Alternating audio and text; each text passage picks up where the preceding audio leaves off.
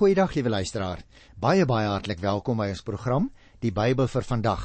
Nou ek gaan vandag net een Psalm behandel en dis nie 'n baie lang Psalm nie, naamlik Psalm 77. En ek gaan net hierdie Psalm alleen behandel omdat ek graag so 'n bietjie, kom ons noem dit maar 'n ekskursie. Ek wil so 'n draaitjie op wat met jou loop terwyl van agtergrond. Want liewe luisteraar, ons kry hier in die derde vers interessante opmerking waar die Psalme sê: "In my nood soek ek hulp by die Here, ook in die nag." Bly my hande in gebed uitgestrek. En dan sê by vers 5 u laat my wakker lê. Nou iemand het my onlangs gevra maar dit was nou nie 'n brief wat ek gekry het nie om so 'n bietjie te praat oor gebedshouding en die hele aspek van kniel. Want uh, baie van ons boere mense het vroeër gekniel by huisgodsdiens en nou het die gebruik uh, heeltemal eintlik in onbruik geraak. So ek wil net sê wat kniel betref liewe luisteraars om te kniel wanneer daar gebid word, kom in die Ou Testament voor en ook in die Nuwe Testament. Byvoorbeeld in die Ou Testament kan jy gaan kyk in die geval van Salomo in 1 Konings 8 vers 54. Esra kan jy ook gaan naslaan by Esra 9 vers 5 waar ons lees dat hy gebid het, ook van Daniël natuurlik. Daniël 6 vers 11. En dan in die Nuwe Testament het ons van die Here Jesus self 'n voorbeeld waar hy gekniel het. Dit was in Lukas 22 vers 41 toe hy in Getsemane voor sy hemelse Vader gebuig het en gevra het of die beker tog nie maar by hom kan verbygaan nie. Ons kry natuurlik ook ander voorbeelde van gewone mense in die Nuwe Testament, naamlik Stefanus in Handelinge 7 vers 60 en Petrus in Handelinge 9 vers 40. Dan is daar ook nog die gelowiges van Tyrus Nou ons weet nie hoeveel hulle was en wie hulle almal was nie. Uh daar word net na verwys in Handelinge 21 vers 5. Die punt is wanneer mense so kniel, was hulle hande meesal opgehef na die hemel toe. Dit is ook wat ons lees hier in Psalm 77 wat ek nou nog gaan behandel. Dis ook interessant om 'n gedagte te hou dat die Israeliete nie met gevoude hande gebid het nie. Behalwe as 'n houding vir gebed was om te kniel, dan ook 'n teken van eer betoon. Nou ek het nou vir jou 'n paar voorbeelde genoem, maar jy kan dit ook gaan kyk in Genesis 43 vers 28 en byvoorbeeld ook in 2 Kronieke 7 by die 3de vers.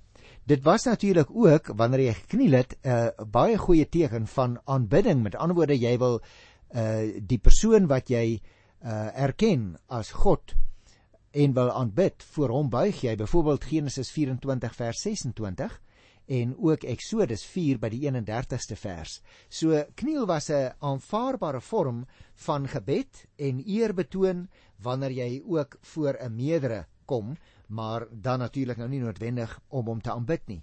Nou in aansluiting daarbey wil ek graag ook 'n paar opmerkings maak omdat ek dink dit het so met mekaar 'n bietjie verband rondom die hele gedagte van die Olyfberg, want die tuin van Getsemane waar die Here Jesus gekniel het voor sy hemelse Vader, lê natuurlik aan die voet van die Olyfberg. Nou sommige van ons luisteraars is nou al baie berese en was in Israel, hulle weet baie goed hoe die Olyfberg lyk. Maar nou lees ons in die Bybel op baie plekke natuurlik van die Olyfberg. Veral wanneer die Here Jesus uitgegaan het van Jerusalem of om te gaan bid in die tuin van Getsemane. En ons het nie altyd 'n prentjie nie. So kom ek vertel jou net so iets kortliks van die Olyfberg. Dit is natuurlik deel van 'n klein bergkettingkie aan die ooste kant van Jerusalem. So as 'n mens van Jerusalem af afstap in die Kedron vallei, dan is die Kedron eintlik die vallei wat die Sionsberg skei van die Olyfberg aan die ander kant. Die Olyfberg is dan ook hoër as die Jerusalem stad. En hierdie feit het goeie gevolge, want jy sien, die krag van die ooste en die noordewind word dus gebreek deur die Olyfberg. Te gelykertyd bring dit mee dat Jerusalem tot die westelike hang van die bergland waar die westewind reën bring behoort. So is daar dan byvoorbeeld water in die reënbakke. Eintlik is die bestaan van so 'n groot stad alleen daardeur moontlik, want daar is nie 'n rivier wat deur Jerusalem loop nie omdat hy op heuwels lê. Die eintlike Olyfberg is dus 'n ketting met 'n paar toppe. Dis nie 'n gelykberg nie. Vermoedelik was in die ou tyd bedek met olyfbome. Ons sê dit omdat 2 Samuel 15 by die 30ste vers praat van die hoogte van die olywe wat 'n aanleiding is dat daar moontlik in Ou Testamentiese tye alreeds baie olyfbome teen die Olyfberg geplant was. Ons moet ook 'n gedagte hou die mees noordelike hoogte word die Galilea hoogte genoem En daarom vereenselwig die Grieks-Katolieke Kerk hierdie berg met die Galileese berg waar Jesus die disippels 'n uh, afspraak mee gemaak het. Ons kry daardie verhaal in Matteus 28 by vers 10 tot by vers 16. Tog moet ons in gedagte hou dat dit so 'n bietjie onbegryplik is dat Matteus op 14 ander plekke met Galilea die provinsie bedoel en hier dan nou skielik aan die Olyfberg sou dink. Dit lyk dus die interpretasie wat ek nou net genoem het, lyk dus heel onwaarskynlik.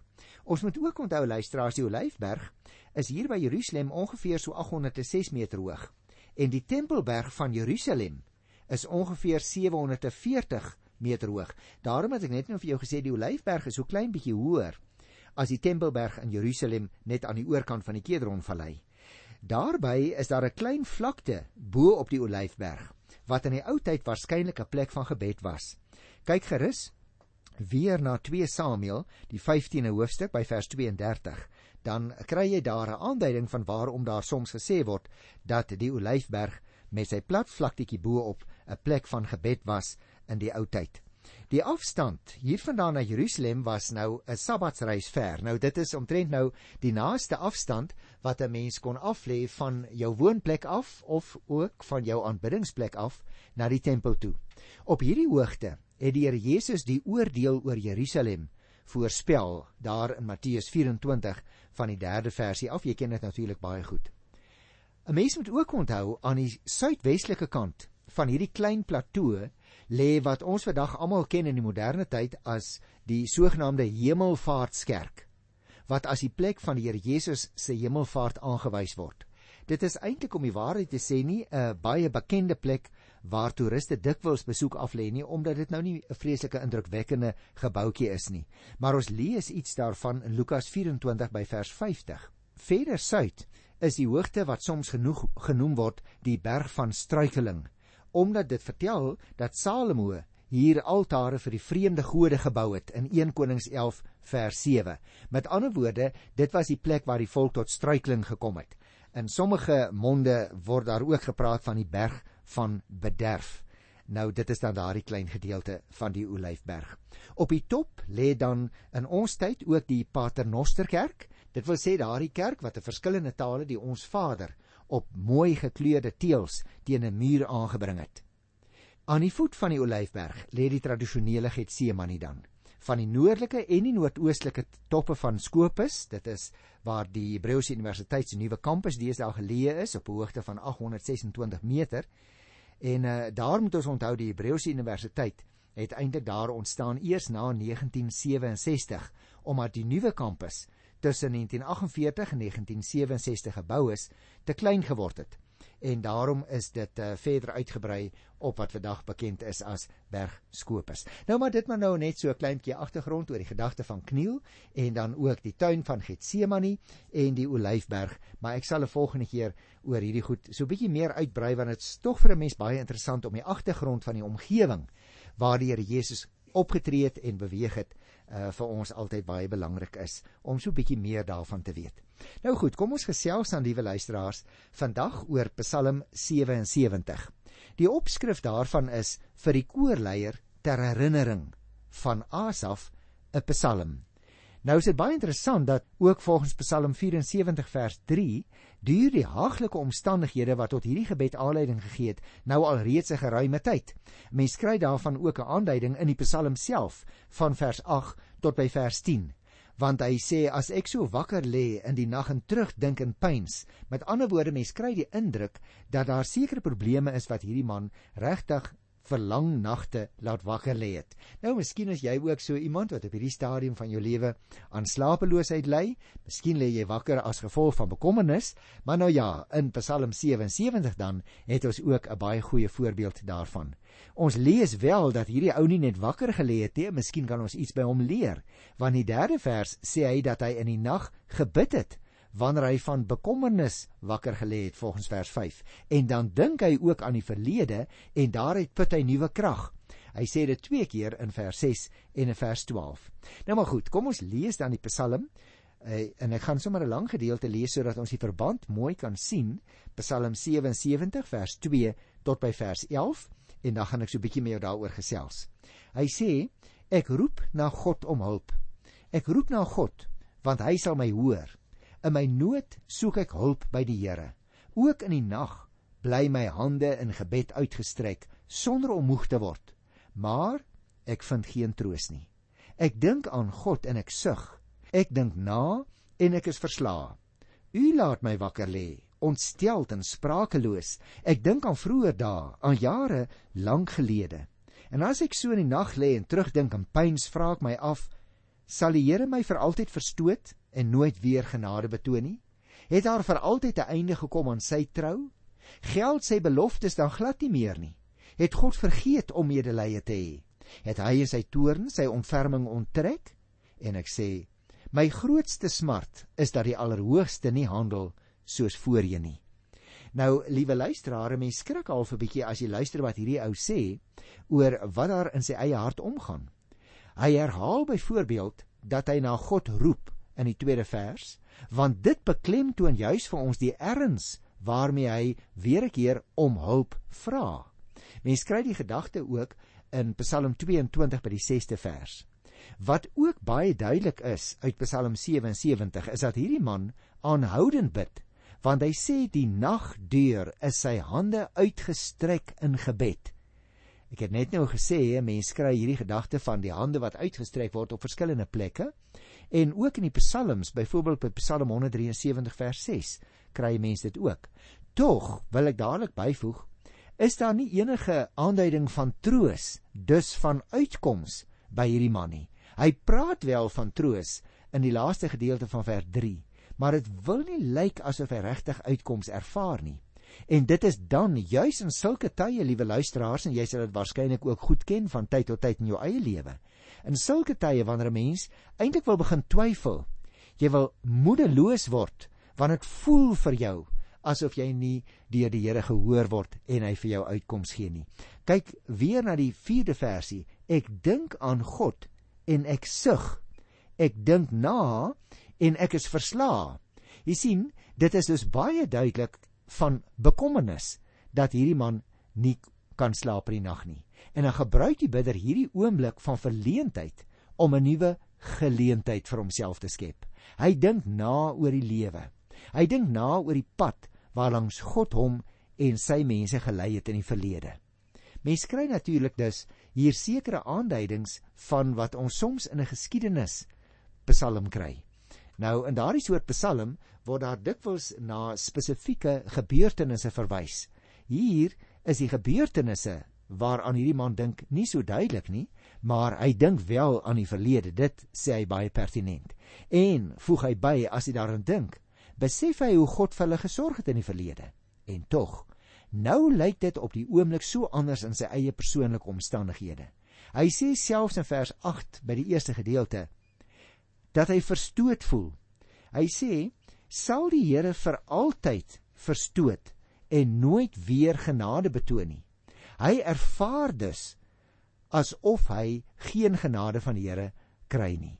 Asof daar geen einde aan God se trou is nie, dit weet hy wel, want hy sê spesifiek in vers 9a, het daar vir altyd 'n einde gekom aan sy trou. Jy sien liewe luisteraar, dit is dus dinge wat hierdie man in die verlede ervaar het. Maar nou voel dit vir hom asof daar 'n einde gekom het aan die trou van die Here, asof die Here hom verstoot het, asof die Here glad nie hoor na sy smeekgebede so in die stilte van die nag nie. Ons het dus 'n baie uitstekende voorbeeld van waar die emosie met iemand kan weghardloop, met 'n gelowige kan weghardloop. En wanneer jou emosie met jou begin weghardloop, dan voel dit vir jou asof die Here regtig ver is en jy sê ook sommer ag die Here help my eintlik nooit. Ek bid, maar dit is te vergeefs. Maar as jy 'n bietjie nugter daaroor probeer nadink en dit is nie altyd moontlik as jy emosie so op hol raak nie, dan kom jy agter dit is juis van die vanweë die druk wat daar op die oomblik oor my is dat ek nie regtig gebalanseerd dink nie. Soos wat hierdie man in vers 10b ook sê, net toren en nie ontferming nie. Met ander woorde, hy sê het God vergeet om medelee te hê. Hy het in sy toren, hy vra dit eintlik, het hy in sy toren sy ontferming onttrek. Nou natuurlik is dit nie so dat die Here sy ontferming onttrek nie. Hy kan 'n mens so bietjie aan 'n lang tou laat loop om soos die kinders sê, hy gee jou baie tou om te kyk hoe jy gaan optree of jy weet wat die insig kom, ek moet terugkom na die Here toe. Maar ons het terselfdertyd hier Psalm 77 'n voorbeeld daarvan, want hierdie man is nie besig om weg te hardloop van die Here af nie. Hy is as dit ware in gesprek met die Here om voor die Here sy hart uit te stort wat die emosies is wat daar in sy binneste gloei. Nou luisteraar, daarom is dit baie belangrik dat jy en ek ook sal weet ons hoef nie as ons voor die Here kom skaam te wees oor die emosies wat ons ervaar nie. Want dit is juis wanneer ons soms ons hart so bietjie uitgesels met die Here dat ons emosies ook weer beter in perspektief kom. Daarom vra hierdie man in die 11de vers of God dan verander het in die tussentyd deurdat hy nie meer handel soos voorheen nie. Ek lees dit net weer.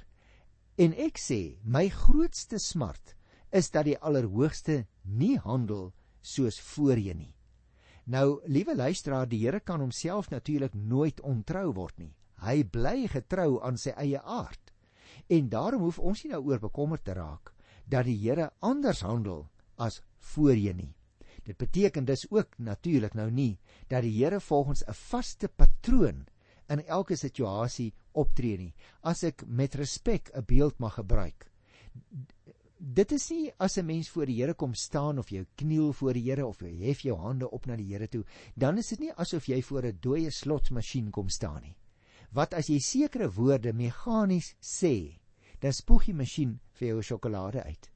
Of as jy 'n ander kode druk of jy gooi 'n bepaalde ander geldmuntstuk in, dan gooi die masjien ook weer anders uit. Dit is nie so met die Here nie. So ons moet onthou die Here is 'n lewende wese. Hy's 'n goddelike wese. En daarom kan ons ook nie elke keer dieselfde reaksie van die Here verwag nie. Maar hierdie man beleef dit asof die Here nou verander het, asof hy nie soos van tevore optree nie. En dit bring ons dan luisteraars by die tweede gedeelte van die Psalm, maar Ek wil die eerste 11 versies net vir 'n oombliekie opsom voordat ek verder gaan. Want jy sien in vers 2 tot 11 het ons dus eintlik hierdie psalmis se roep om hulp voor die Here. Die digter het dus die Here gevra om vir hom te moet gee in 'n tyd van ernstige nood. Dat die Here vir hom moet voorsien. So in die eerste deel van die Psalm beleef hy dus dat hy hulp nodig het Daarom praat hy ook elke keer in die enkelpersoon ek. Is interessant in hierdie eerste 11 versies. En sy ontsteltenis van die 5de vers het juis uit sy vertwyfeling wat dan voorkom in vers 8 tot 10 ontstaan. Maar nou is daar 'n wenteling in Psalm 77 van vers 12 tot aan die einde by vers 21. Nou ek gaan eers vir jou vertel waaroor dit gaan en dan gaan ek dit lees en so bietjie met jou bespreek want dan kom sal jy agterkom as jy en ek Psalm 77 aantrek soos 'n jas wanneer ons ontstel is en wanneer dit vir ons voel asof die Here ver weg is asof hy ons as 'n ware verstoot het dan is daar sekere emosies wat wakker word. Maar as ons daardie emosies voor die Here bring en daaroor met hom praat dan kom daar soms 'n wenteling in ons eie persoonlike gemoedstoestand. So in die volgende verse vers 12 tot 21 begin hierdie ou nou nie net meer na homself kyk nie, maar terug te kyk in die geskiedenis en hy begin nadink oor die wonderdade van God in die verlede. So in hierdie deel van die Psalm verskuif die klem dus baie duidelik van homself af na die lof en die aanbidding van die Here God. En luister, dit moet jy en ek tog altyd onthou. As ons oog so vol is van onsself, van van ons eie probleme en ons eie bekommernisse en ons eie dinge, dan is daar min plek in ons oog oor, oor vir die Here, né? Maar as ons oog vol is van die Here en wie hy is, man, dan val hierdie ander ou dingetjies van ons sommer dadelik in perspektief. Daarom begin hy van vers 12 af te sê: U U is die God wat wonderdade doen in vers 15 byvoorbeeld. As ons dus tot die Here bid, dan maak hy dit vir ons moontlik om van onsself 'n slaggie te begin vergeet en na hom toe op te kyk. Eers as hy so alle twyfel oor God se heiligheid en sorg op sy geskuif het in hierdie volgende verse, dan begin hy weer rustig raak en sal jy sien hy gaan afsluit by vers 21 deur te sê: U het u volk soos 'n kudde gelei deur die hand van Moses en Aaron. Met ander woorde, sy emosie hardloop met hom weg. Maar nou begin hy na die Here kyk. So kom ek lees vers 12 tot 21 en dan gesels ons rustig met mekaar so 'n bietjie daaroor. Ek wil dink aan die Here, die dade van die Here. Ja, ek wil dink aan u wonderdade van vroeër. Ek wil nadink oor al u werk en oor u dade pyns. Alles wat u doen is heilig o God. Waar is 'n God so groot soos u? U is die God wat wonderdade doen. U het die mag onder die volke geopenbaar. U het die volk deur u krag gered, die kinders van Jakob en Josef. Toe die waters u sien, o God, toe die waters u sien het hulle gebewe, die diep waters het gesidder. Die volke het water uitgegiet uit die donderwolke, het dit gedreun. U weerligte het in alle rigtings geblits. U donderslaa het die lugruim gevul, weerligstrale die wêreld verlig, die aarde het geskud en gebewe. U het deur die see gekom, u weg deur magtige waters gebaan. Niemand het u spoor gesien nie. U het u volk soos 'n kudde gelei deur die hand van Moses en Aaron. Jy merk dis op, liewe luisteraar, net soos wat die bidder sy geroep as dit ware twee maal aangekondig het. Herhaal hy ook nou sy nadink oor wat God gedoen het in vers 12 en 13. Hy neem dus hier nie maar 'n vrye verbeeldingsvlug deur die verre verlede nie. Nee. Nee, hy maak erns met hierdie soektog na die sin van die lewe en hy neem alles wat God konkreet gedoen het in die verlede ernstig op.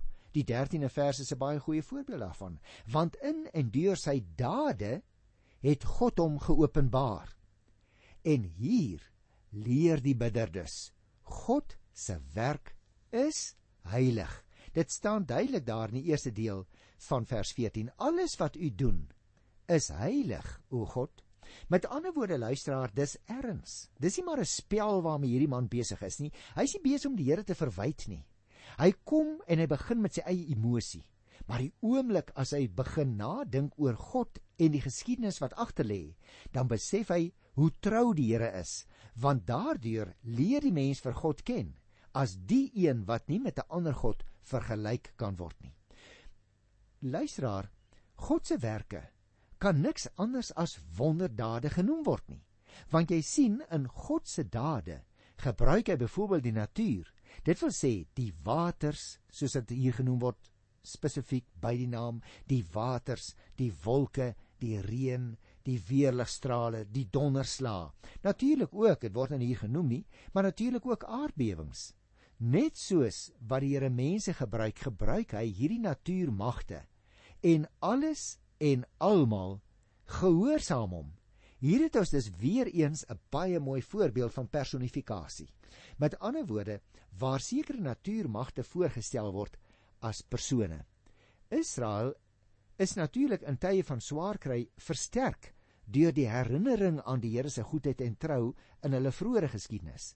Hulle het geweet dat hy tot alles in staat is en volkome betroubaar is.